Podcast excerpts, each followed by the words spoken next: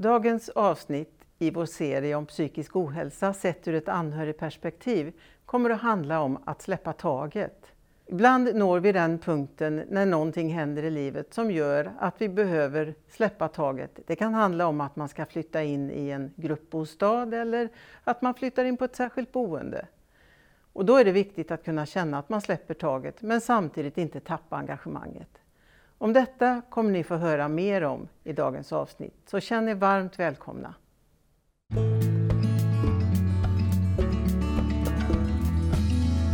Då har vi kommit fram till eh, ett avsnitt som kommer handla om att släppa taget i den här programserien som, som handlar om eh, psykisk ohälsa ur ett anhörigperspektiv. Och att släppa taget kan ju låta lite märkligt. Eva Timfors har ju berättat lite här innan vad det är, men jag tänker att vi ska fortsätta reda lite i det. Men innan vi gör det så ska jag presentera er som är här. Välkomna! Vi har Elin Glaning som jobbar som undersköterska inom äldreomsorgen. Och så har vi Birgitta Hasselöv som är socialt ansvarig samordnare. Och Johan Arelid som är enhetschef på korttidsboende och fritids för funktionshindrade barn. Stämmer. Där fick jag ihop det va? Ja. Så att jag tänker vi kan väl börja med att bara prata lite om själva ämnet, det här med att släppa taget, vad det egentligen är för någonting. Som sagt, Eva har berättat lite om det, men hur skulle ni vilja förklara, varför, varför ska vi prata om det idag? Varför är det viktigt? Börja med dig Elin. Att släppa taget är viktigt för eh, dels för den eh, vi vårdar och även för den anhörige. För den behöver ju den anhörige behöver få vila och vi behöver få göra vårt jobb att ta hand och vårda den brukare som vi tar hand om. Mm. Ja, det tycker jag det räcker väl, eller ville ni fylla på med någonting Johan och Birgitta? Nej, alltså det är ju samma princip hos mig. Eh, att det handlar ju mycket om att eh, få de anhöriga att våga släppa taget om, om barnen de gånger och tillfällen de är hos oss på vårt korttidshem. För det är ju en del av av helheten att de ska få avlastning mm. också. Så att, eh, det är nog samma sak fast på lite olika sätt skulle jag tro. Ja, det kan jag tänka mig. Och jag tänker också Birgitta, du som har kanske lite mera överblicksperspektiv här. Du, du känner också igen det här med att släppa taget, vi, vi kommer prata om det. Vi kommer komma tillbaka till snart om vilka med tips och råd till anhöriga och så vidare. Men då känner vi ändå att vi har bekantat oss med ämnet. Absolut. Mm. Härligt. Men, och sen har vi också, då, innan vi går vidare här, så tänkte vi också, det finns två begrepp här som kan vara bra att ha lite koll på innan vi börjar prata om detta. Och eh, Elin, du kan väl växla sida här så kan vi titta på det. Eh, ja, vi har anhöriga. Och det är ju en person som regelbundet vårdar och hjälper och stödjer en närstående. Och sen har vi ju närstående då, en person som eh, är i behov av stöd på grund av en sjukdom, en funktionsnedsättning eller en hög ålder. Och I vår verksamhet så pratar vi kanske inte så mycket om närstående utan vi kanske pratar mer om brukare. För när man har kommit in eh, i den kommunala verksamheten så är man oftast en brukare då. Och det är då kanske vi benämner ofta en brukare. Då. Jag förstår. Vad bra, men då tycker jag vi börjar greppa tag i det här ämnet lite mer. Och just det här med att släppa taget. Då. För vad jag har förstått, vi har ju pratat lite innan och så, så är det här dialogen ligger mycket i botten för att det här ska fungera. Vad är det för dialog vi pratar om? Vi börjar med dig Johan kan ju skilja sig såklart åt väldigt mycket men vi är ju väldigt noga vid en, när vi startar upp eh, en, en korttidsavlastning eller ett fritids eller liknande så är vi väldigt noga med att vi drar upp spellinjer eller riktlinjer redan från början. Eh, anhöriga ska veta vad man kan förvänta sig av oss. Vi behöver också veta vad vi kan förvänta oss av anhöriga. Väldigt mycket dialog kring, eh, kring saker för att skapa den här trygghetskänslan så att det känns fullt naturligt för anhöriga att lämna sina barn hos oss under x antal dygn i månaden. Så det är ju väldigt, väldigt viktigt att det går till på ett bra sätt. Jag kan tänka mig att det är svårt också för en, alltså just det här att släppa taget. Det är därför vi pratar om det här nu. Vad, är det liksom, vad, vad tror du gör att det är så svårt att göra det för många? Ja, därför att många anhöriga alltså, i, i mina verksamheter som gör det, det ju, de har ju levt eh, ihop med sina barn väldigt, väldigt tätt såklart utifrån att de har ett funktionshinder på, på mer eller mindre ja, tidskrävande sätt, om man får uttrycka sig så. Så att man är ju liksom inte riktigt van vid tanken att man behöver avlastning. Men har väl troligtvis landat i att man behöver ha det för att orka med. Och då blir det försöka undvika att en anhörig ska känna att det är ett misslyckande till att börja med. Det är inget misslyckande att få hjälp. Eh, och då behöver vi vara väldigt tydliga och professionella i vad, ja, vad vi pratar med de anhöriga om och vad de kan förvänta sig. För det kan nästan vara tvärtom va? Att, att, att det är absolut inget misslyckande utan om jag förstår det rätt så handlar det mycket om att få vila, få återhämtning och... Ja, det är ju absolut. Det handlar ju mer om att få hålla ihop en relation för livet så att säga. Att man behöver, eh, behöver de här pauserna. Det finns ju en anledning till det precis som, som du beskriver. Och det kanske känns som ett misslyckande idag men målet är att det ska kännas efter 10, 15, 20 år. Vad det nu handlar om att vad bra det här blev. Det här, kunde vi, det här kan vi verkligen stå för gentemot oss själva att vi gjorde rätt. Och det tänker jag också, det kan vi också se på ett annat del, det är ju också att här kanske finns fler barn i familjen. Det är kanske inte bara ett barn, ett Nej. barn som har funktionsnedsättning men också flera barn som man också behöver ta hänsyn till för att kunna ge dem det, ja. Eh, ja, förutsättningar för att, till ett bra liv. Och då kan det också vara att det kanske krävs att man behöver ha den här avlastningen. Mm. Eh, för att både det funktionshindrade barnet ska få en annan stimuli ja. men också att familjen, inte bara föräldrar utan även kanske familjen får den här avlastningen. Mm. Mm. Ja, det är bra. Och jag tänker just när det gäller äldre, hur, hur ser det ut där? Varför är dialogen så viktig där när man kommer vidare in på någon typ av boende? Men det är också lite likt det till viss del. Eh, men det viktigaste är ju att eh, brukaren ska få sin talan. Och den anhöriga kanske har vårdat sin fru till exempel i alla, alla år och de har gift sig. De har lovat att de ska ta hand om varandra. Men får den en demenssjukdom eller blir sjuk av en annan anledning så är det jobbigt för den anhöriga. Och då finns vi där för att hjälpa till. Och det gör vi ju via genomförandeplaner där de får bestämma hur de, hur de vill ha sin hjälp. Och utifrån det så arbetar vi. Och sen så kan jag tänka mig att när, de, när man kommer in en, på, oavsett boende och till er att mycket handlar också om att ni också ska komma med er profession och kanske till och med göra det bättre för den som ja. kommer till er. Och... Vi ska ju jobba för att få dem att må så bra som möjligt och se till det friska. Och sen ser vi också, jag får bara säga att det här är ju, det här är ju två delar tänker jag i det här. För det är ju det att du, när du första gången behöver ha hjälp, eh, då kanske det är i form av växelvård. Alltså att din, den som du vårdar får komma en eller två veckor i åt gången och, och vara på något ställe. Det är liksom inkörsporten oftast. Och sen så hamnar man kanske så småningom då på ett boende där man känner att nu måste jag släppa taget fullt. Eh, och då, då kan det vara lättare för man redan inne, men de här som kanske flyttar direkt ifrån hemmet till ett boende. Så att det, vi har två olika scenarier tänker jag mycket här också. Och sen beror det på om de har haft hemvård eller inte. Mm. Eh, för då har de varit i hemvården så har de ju ändå en insikt i vad, vad vi hjälper till med. Eh, på ett sätt.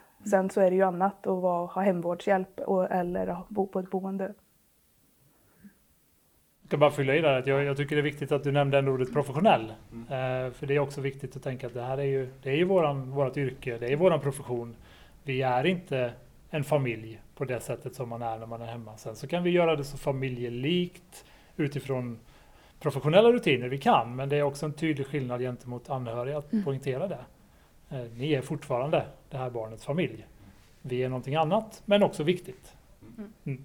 Ja, jag tänkte, för nu, nu har vi pratat lite om eh, vad det är, själva det här med att släppa taget, för det är så viktigt.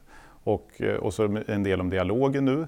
Eh, och sen, jag tänker vi ska fortsätta att prata lite om eh, från kommunens sida vad som är viktigt i den här dialogen, eh, i den här dialogen värderingsmässigt och så vidare. Och sen så tänker jag att mot slutet av avsnittet här så kommer vi prata lite om råd och tips från er, för ni har ju massor sånt att ge här.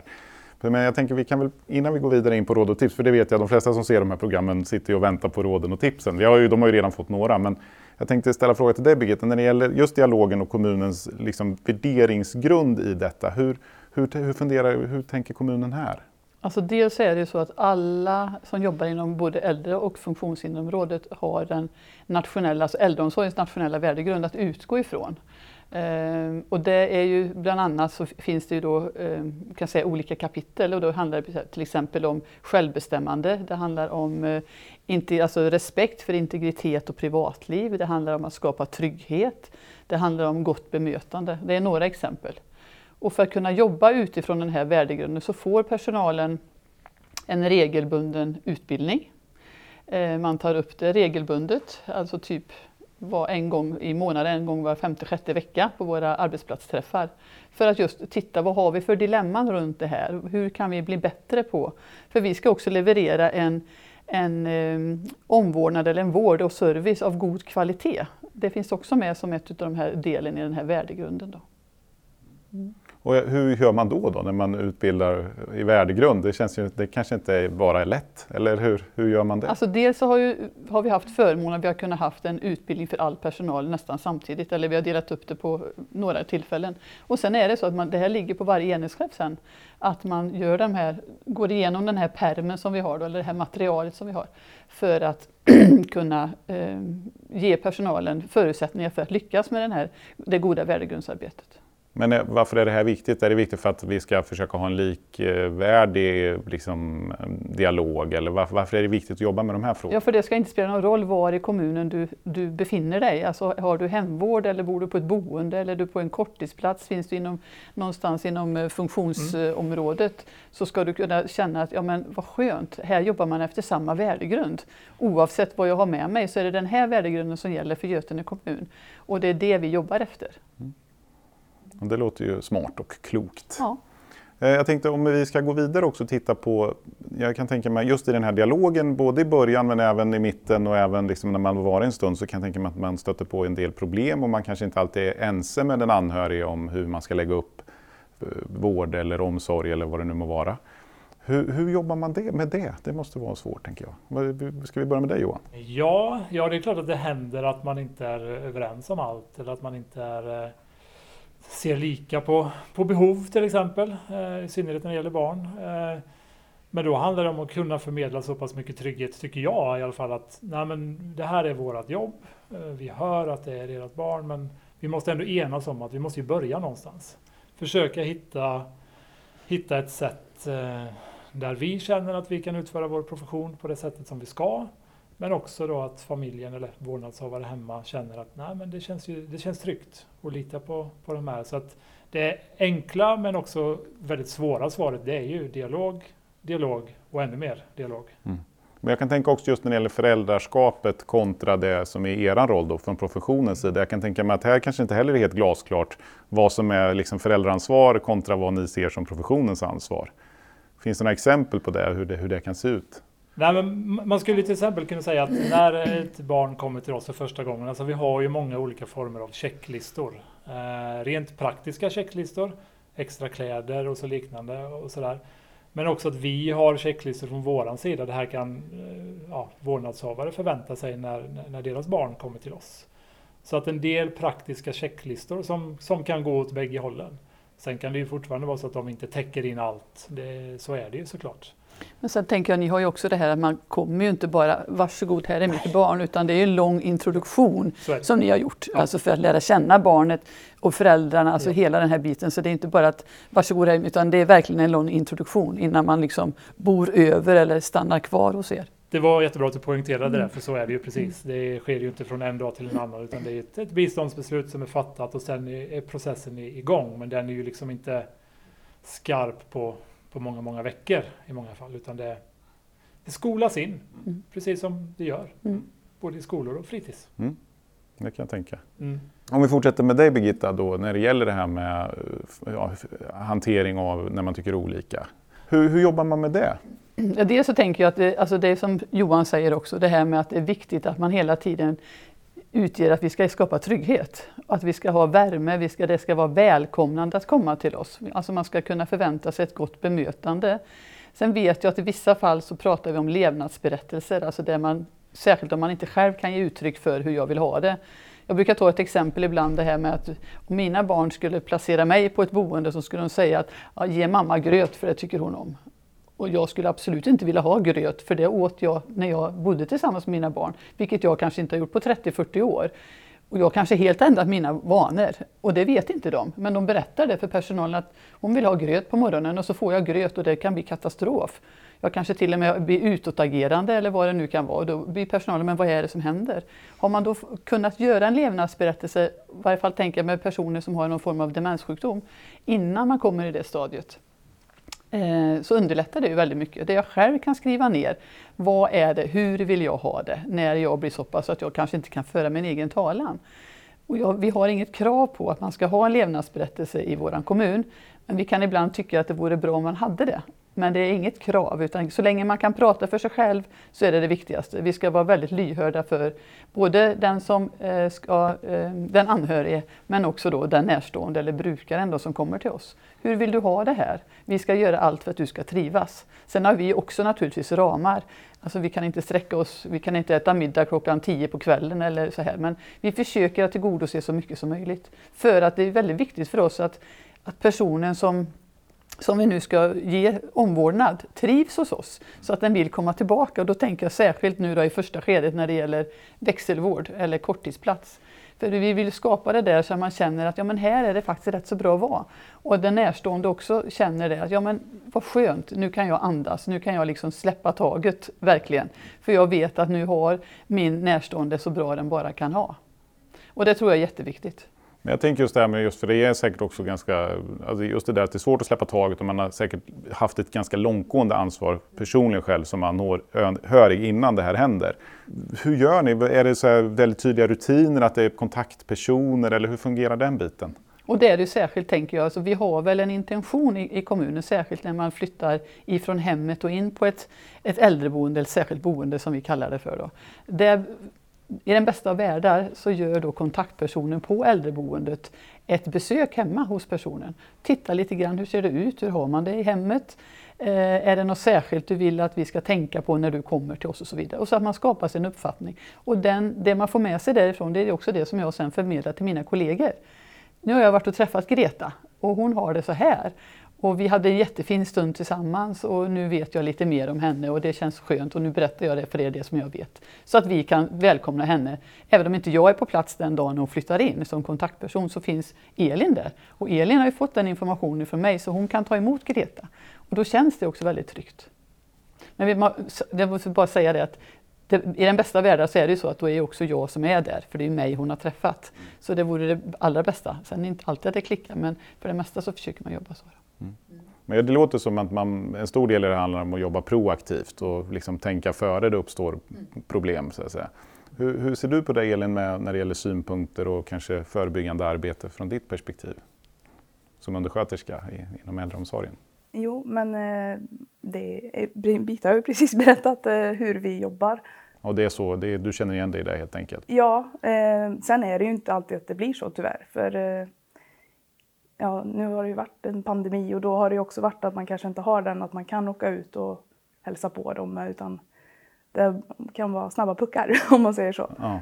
Eh, men då får man ju ta det därifrån istället och då får man ju presentera sig och berätta vem man är och fråga vad personen gillar. Och, ja. Mm. och sen har vi också, precis som Johan sa, att det finns rutiner på eller lister på det här behöver vi ha när de flyttar in och mm. det här kan vi tänka oss, eller det här är ju kontaktmannen och det här eh, gör anhöriga. Så det finns lite sådana grejer som är bra att veta. Mm. Och som ni har som hjälpmedel ja. för att liksom eh, få en gemensam, eh, så att säga, ett, vad säger, ett förhållningssätt som är gemensamt ja. i hela kommunen med de här checklistorna förstår jag. Och sen är ju förväntningarna alltid olika ja. eh, från varje person som flyttar in och dens ja. anhöriga. Mm. Vissa har ju väldigt stora krav om man ska säga så. Mm. Och vissa, ja, de lämnar mm. in den och så är det färdigt. Jag vill bara säga en sak innan. Ja. Biståndsenheten, alltså när man träffar en biståndshandläggare för alla de här besluten, alltså att när man ska komma till Johans verksamhet eller äldreboende så föregås det alltid av ett biståndsbeslut. Och det är där den här processen börjar. Så att det börjar redan där vad viktiga biståndshandläggarna är. Vi ska inte glömma den för det är också en del i den här kedjan, eller den här processen. Mm. Ifrån det att jag gör min ansökan eller det jag börjar fundera på tills dess att jag verkligen hamnar i, i några av våra verksamheter. Men är det just det som i din roll som socialt ansvarig samordnare, är det just det du försöker jobba med och få ihop det här bland de här olika parterna som är inblandade då kan jag ana? Alltså min uppgift kanske inte, men som enhetschef är det ju naturligtvis det. Eh, men som min uppgift som social samordnare är att se till att vi har en god kvalitet.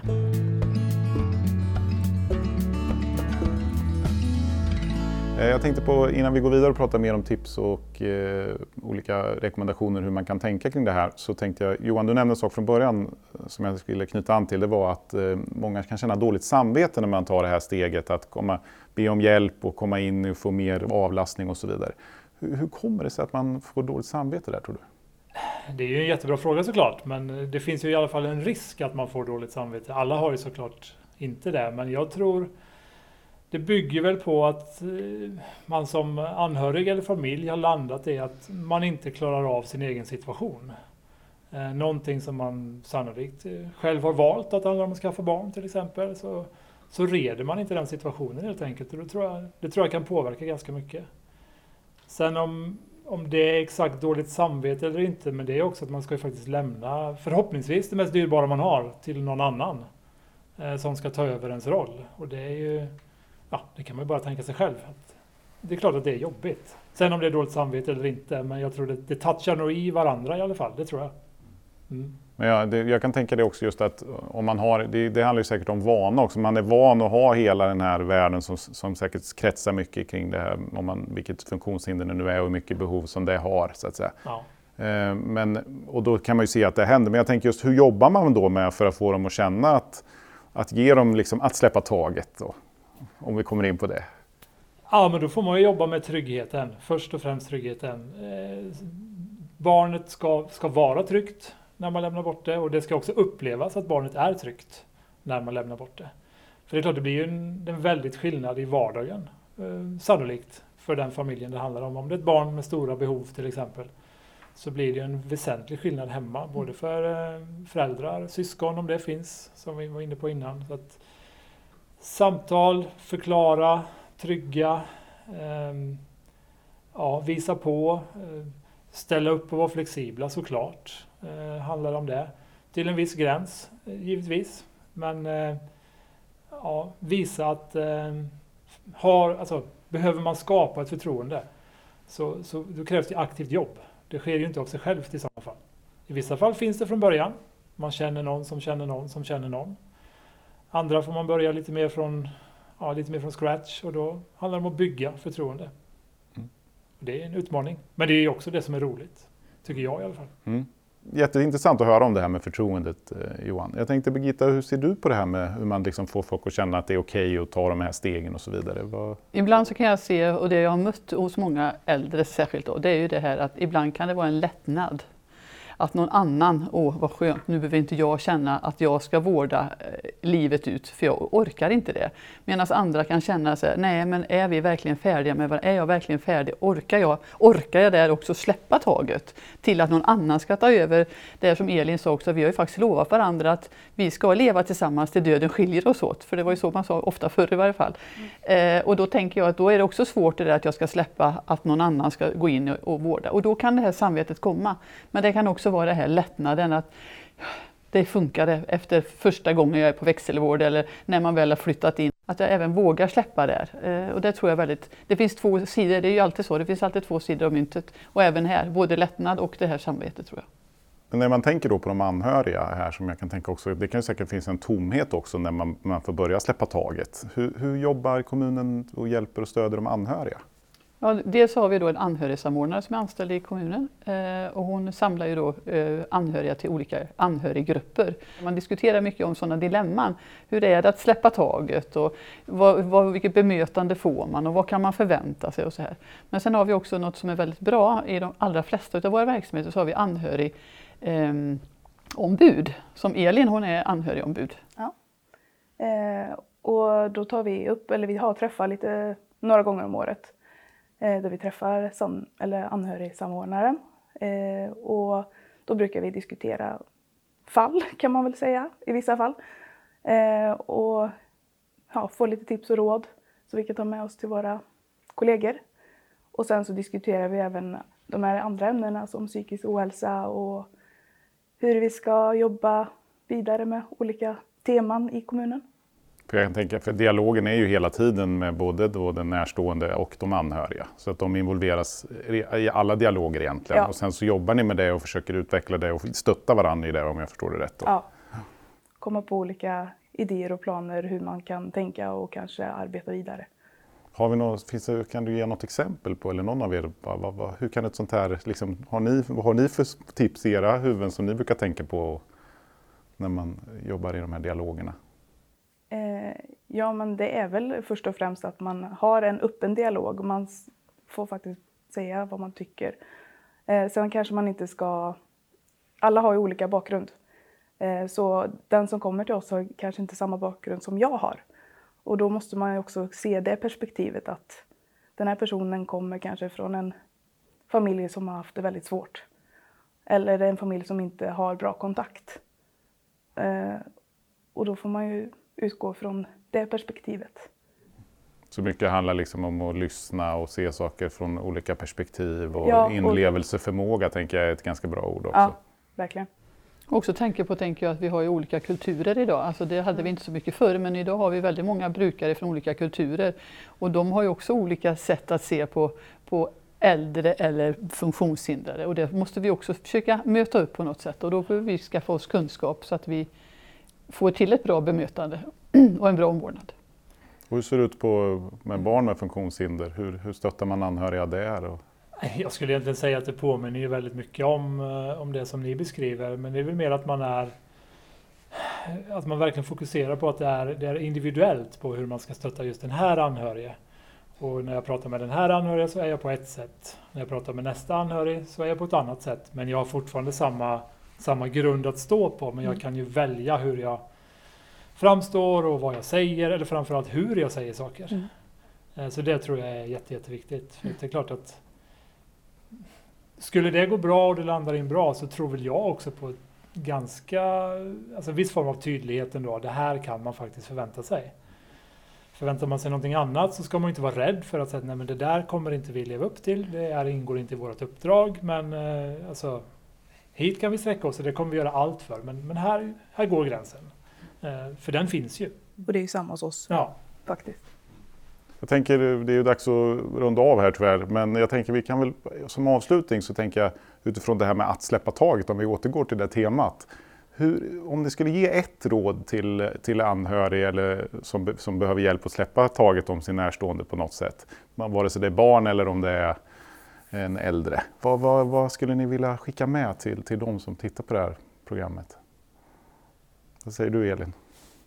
Eh, ja, men först och främst är det väl att man ska lyssna på vad vi har att erbjuda och vi ska ju såklart lyssna på vad de vill ha hjälp med via bistånd. Eh, och sen att ha en dialog med oss, berätta och är det någonting de tycker känns fel eller känns konstigt så är det bättre att ta det med oss. Eh, och så får vi utgå därifrån. Eh, sen får, kan, tycker man att det, nej, det blir inte bra, då får man gå vidare och prata med våra chefer eller högre upp. Eh, för att vi ska komma på en så bra lösning för den boende som möjligt. För jag tänker mig också att det som kanske var en bra lösning igår kanske inte är en lika bra lösning imorgon utan det är en hela tiden en pågående process. Jag tror att det, det hör jag er säga i alla fall att Ja, det är därför den här dialogen är så viktig hela tiden. ja. Vad, vad tänker du Birgitta, vad skulle du vilja skicka med en anhörig som Jag tänker mycket på den första kontakten vi har, alltså när man är på växelvård. Att våga släpp och ta till dig att du får vila. För när, du väl, när man väl har kommit dit här att nu är det växelvård som jag, jag orkar inte längre och egentligen kanske jag skulle gjort den här ansökan igår. Men jag har ändå väntat till idag och då är jag ofta så slut. Och då tänker jag att våga då ta emot, eller när man kanske säger till den personen som har vårdat att du behöver inte komma hit nu de första dagarna utan ta dig den där tiden, vila dig, gör de där sakerna som du inte har kunnat göra för att du inte kunnat lämna din närstående. Ta vara på det och sen, du är naturligtvis välkommen men ändå rådet är försök att släpp och lita på att vi gör det bästa. Och när du känner dig utvilad så är du jättevälkommen. Mm. vad tänker du Johan när det gäller barn med funktionshinder? Ja, alltså det påminner ju påminner väldigt mycket och Birgitta tog nästan mitt eh, bästa tips också. Som dessutom är med i titeln på, på programmet. Det handlar om att våga. Eh, har man eh, som anhörig eller som familj väl tagit det här beslutet att ansöka om den här insatsen. Man har gått igenom utredningar. Då tycker jag man är skyldig både sig själv och eh, ja, sitt barn då i, i mitt fall. Eh, att våga. Eh, våga lita på oss som jobbar med det. Jag kan tänka att du har säkert också sett väldigt många exempel på hur det blir när, det, när, det, när, ni, när man lyckas och det blir betydligt bättre. Hur, vad händer då? Ja, det är klart att det, man märker om saker lyckas eller inte. Eh, det allra enklaste sättet det är, ju, det är ju i dialog, eller kontakten med föräldrarna som fungerar på ett helt annat sätt om, det är en, om man har vågat släppa taget eller om man inte har vågat släppa taget. Det kan ju vara allt från ehm, mängder med kontakter om egentligen saker som, som jag inte behöver vara inblandad i men som jag blir ändå. Eh, och då är det ju någonstans någonting som inte riktigt funkar vad det ska. Sen är det inte säkert att det är den anhöriges fel i och för sig. Det kan ju finnas flera anledningar men då, då märker man ju oftast att det är någonting i dialogen eller ja, som, som inte riktigt fungerar som det ska. Jag tror jag frågar dig samma sak där Birgitta, men hur kan det se ut när man, när man får till den här dialogen och man hittar de här lösningarna som fungerar både för en anhörig och en närstående. Vad, vad, vad händer då? Liksom? Hur kan det se ut, den framgången? Alltså, då tänker jag så här att den här närstående går ut genom dörren, lite lätt böjd, tycker att nu har jag gjort det här. Men efter några dagar kommer tillbaka och man ser ju att de har energi. Alltså de orkar möta sin närstående igen och då ser man också glädjen. Och jag menar den här som blir lämnad om man nu säger då. Den har ju också en annan en situation att den kanske inte egentligen vill vara där. Men när den ser då att det gör gott för den som har vårdat, alltså den närstående, så blir den också mer positiv. Sen finns det alltid undantagsfall, men det är det, här, det, det, är det positiva som vi ändå måste tänka och jobba med så att det blir så bra som möjligt. Jag kan passa på att lyfta fram ett bra exempel också utifrån eh, alltså anhöriga som, som, där, där dialogen fungerar och där tryggheten finns. Det är att jag kan få till mig saker som att den här helgen när ens barn har avlastning hos oss så ska jag och min partner kanske göra det här. Ska, det har inte vi gjort på tio år. Mm. Det ska bli helt fantastiskt skönt. Mm. Och jag är helt trygg i att mitt barn är säkert hos er. Mm. Det är ju rätt häftigt. Mm. Ja, det är klart. Ja, men tack så jättemycket hörni och var fint att vi fick avsluta på, på det här bra sättet när vi ger exempel på när trygghet och dialog finns där. Tack för att ni kom hit. Tack, tack. tack så mycket.